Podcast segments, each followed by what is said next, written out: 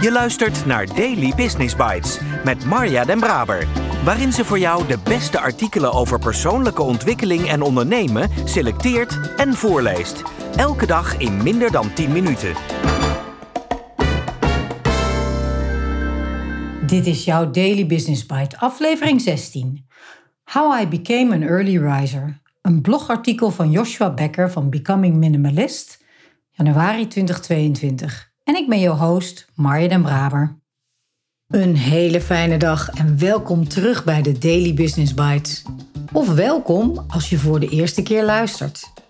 Dit is de podcast waarin ik je de beste artikelen voorlees die je kan vinden over ondernemen en persoonlijke ontwikkeling. Soms een beetje te enthousiast, maar ik kan het niet helpen. Ik houd van het onderwerp en van lezen. Dus dank dat je met mij meeluistert vandaag en elke dag. Niet iedereen wil vroeg opstaan, maar ik heb dat altijd gewild. De meeste mensen die ik bewonder worden s'morgens vroeg wakker en maken het beste van hun dag en leven. Het was iets wat ik ook wenste, maar nooit kon volhouden. Tot halverwege mijn dertigste. Ongeveer tien jaar geleden besloot ik mijn gewoontes te veranderen. Ik word niet om vier uur wakker, zoals sommige verhalen die ik hoor, maar tegenwoordig word ik de meeste ochtenden om zes uur opgewekt wakker met zin om de dag te beginnen. En alles veranderde in slechts één maand tijd. Als jij ook vroeg op wilt staan, zijn hier de exacte stappen die ik heb genomen. 1. Stel een experiment van 30 dagen in. Ik leerde de waarde van experimenten van 30 dagen van Steve Pavlina. Als het gaat om het veranderen van gewoonten, zegt hij, we maken onszelf vaak gek door aan de verandering te denken als iets permanents, voordat we zelfs maar zijn begonnen. Maar wat als je bedenkt om de verandering slechts tijdelijk aan te brengen, bijvoorbeeld voor 30 dagen? En daarna ben je vrij om terug te gaan naar je oude gewoonte. Dat lijkt niet zo moeilijk meer. 30 dagen is een periode die lang genoeg is om te zien of je de verandering in je leven leuk vindt. En als je de verandering na 30 dagen leuk vindt, is het gemakkelijker om het gedrag als een gewoonte aan te nemen. Je kunt het 30 dagen experiment proberen voor elke verandering in je leven waarin je geïnteresseerd bent. Voor mij werd het experiment van een maand waardoor ik voorgoed een vroege vogel werd. Ik koos voor een periode van 30 dagen en beloofde elke ochtend om 5 uur wakker te worden. Het is maar voor 30 dagen, dat kan ik zeker waarmaken. En jij ook. Stap 2. Voeten op de grond, kijk uit het raam. Elke ochtend als mijn wekker afging, gaf ik mezelf maar twee instructies. Voeten op de grond, kijk uit het raam. Deze twee stappen zetten was de enige discipline die ik elke ochtend van mezelf verlangde. Niet belastend, niet moeilijk. In mijn hoofd zou ik gewoon die zin herhalen. Voeten op de grond, kijk uit het raam. Die stappen werden ongelooflijk effectief, vooral op de dagen dat ik moeite had om op te staan. Ze waren niet moeilijk, maar zodra je die twee stappen hebt voltooid, heb je 80% van de strijd gewonnen. Eenmaal op dit punt zou een bewuste beslissing nodig zijn om weer te gaan liggen en in slaap te vallen.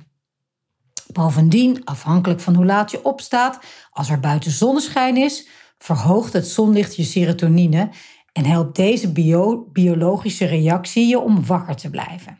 Maar ook als er geen zonlicht is, voeten op de grond, kijk uit het raam. Na het voltooien van die twee eenvoudige stappen, gesteund door mijn verlangen om mijn experiment te laten slagen, was ik opgestaan, wakker en uit bed. Stap 3. Ga naar bed als je moe bent. Vroeger wakker worden betekent dat je minder slaapt als je dezelfde bedtijd aanhoudt. De belangrijkste aanpassing om vroeg op te staan is om te leren vroeger naar bed te gaan. Maar hoe laat moet dat zijn? Laat je lichaam het je vertellen. Verander je manier van denken van ik ga om x uur naar bed naar ik ga naar bed als ik me moe voel. En laat je lichaam je vertellen wanneer dat is. Het is even wennen, vooral als je gewend bent aan het eind van de dag uren te verspillen aan televisie kijken of scrollen op social media, maar herinner jezelf eraan dat je dit maar voor 30 dagen uitprobeert. Ik kan bijna garanderen dat je na een paar weken leren luisteren naar je lichaam en naar bed gaan wanneer het daarom vraagt, je gaat houden van deze nieuwe aanpak van bedtijd, in plaats van je door de klok te laten vertellen hoe laat je moet opblijven. Stap 4. Zoek iets motiverends voor de ochtend. Vroeg opstaan is makkelijker als je een doel voor ogen hebt. In de meeste gevallen is het stil in huis als je vroeg wakker wordt en gebruik die tijd dus bewust. Tijdens mijn 30 dagen durende experiment werkte ik om de sentimentele voorwerpen die in onze kelder waren verzameld tot een minimum te beperken.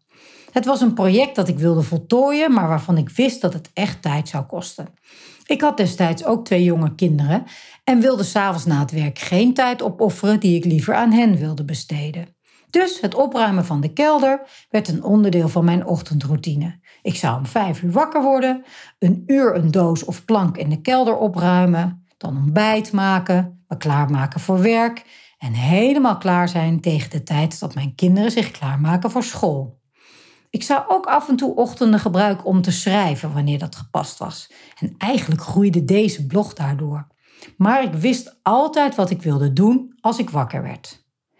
Misschien zou je extra tijd willen besteden aan lezen, bidden, schilderen, sporten, een dagboek bijhouden, bakken, mediteren of yoga doen. De keuze is aan jou. Maar kies geen activiteit waar je tegen opziet. Kies iets dat je helpt bij je experiment en het vroeg opstaan. Stap 5. Wakker is wakker. Er is een verschil tussen wakker en opgewekt. En op sommige ochtenden was dat nuttig om te onthouden.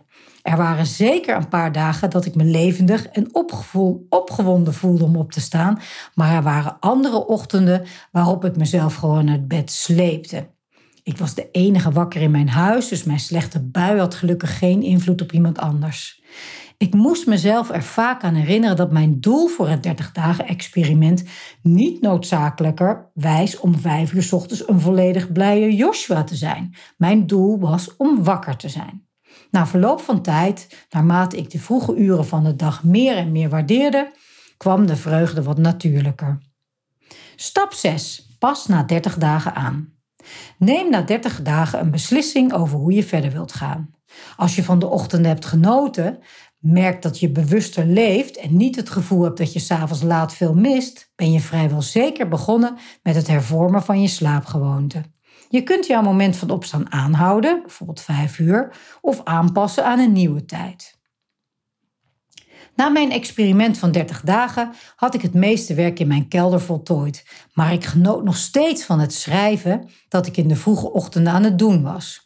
Dus hield ik mijn wekker op 5 uur op maandag, woensdag en vrijdagochtend. Op dinsdag en donderdag werd ik om 6 uur ochtends wakker en dat is wanneer ik eigenlijk de meeste dagen wakker word. John Dryden zei: Eerst maken we onze gewoonte, dan maken onze gewoonte ons. Vroeg opstaan was een gewoonte die ik altijd al graag wilde hebben. En door bovenstaande stappen heb ik het bereikt. Jij kan het ook. Daily Business Bites met Marja Den Braber. Je luisterde naar een vertaling van How I Became an Early Riser van Joshua Becker. De podcast van de Minimalists luister ik al heel lang. Dat is een andere podcast dan van deze Joshua Becker. Sterker nog, de podcast van de Minimalist is zelfs een podcast waarvoor ik met veel plezier betaal.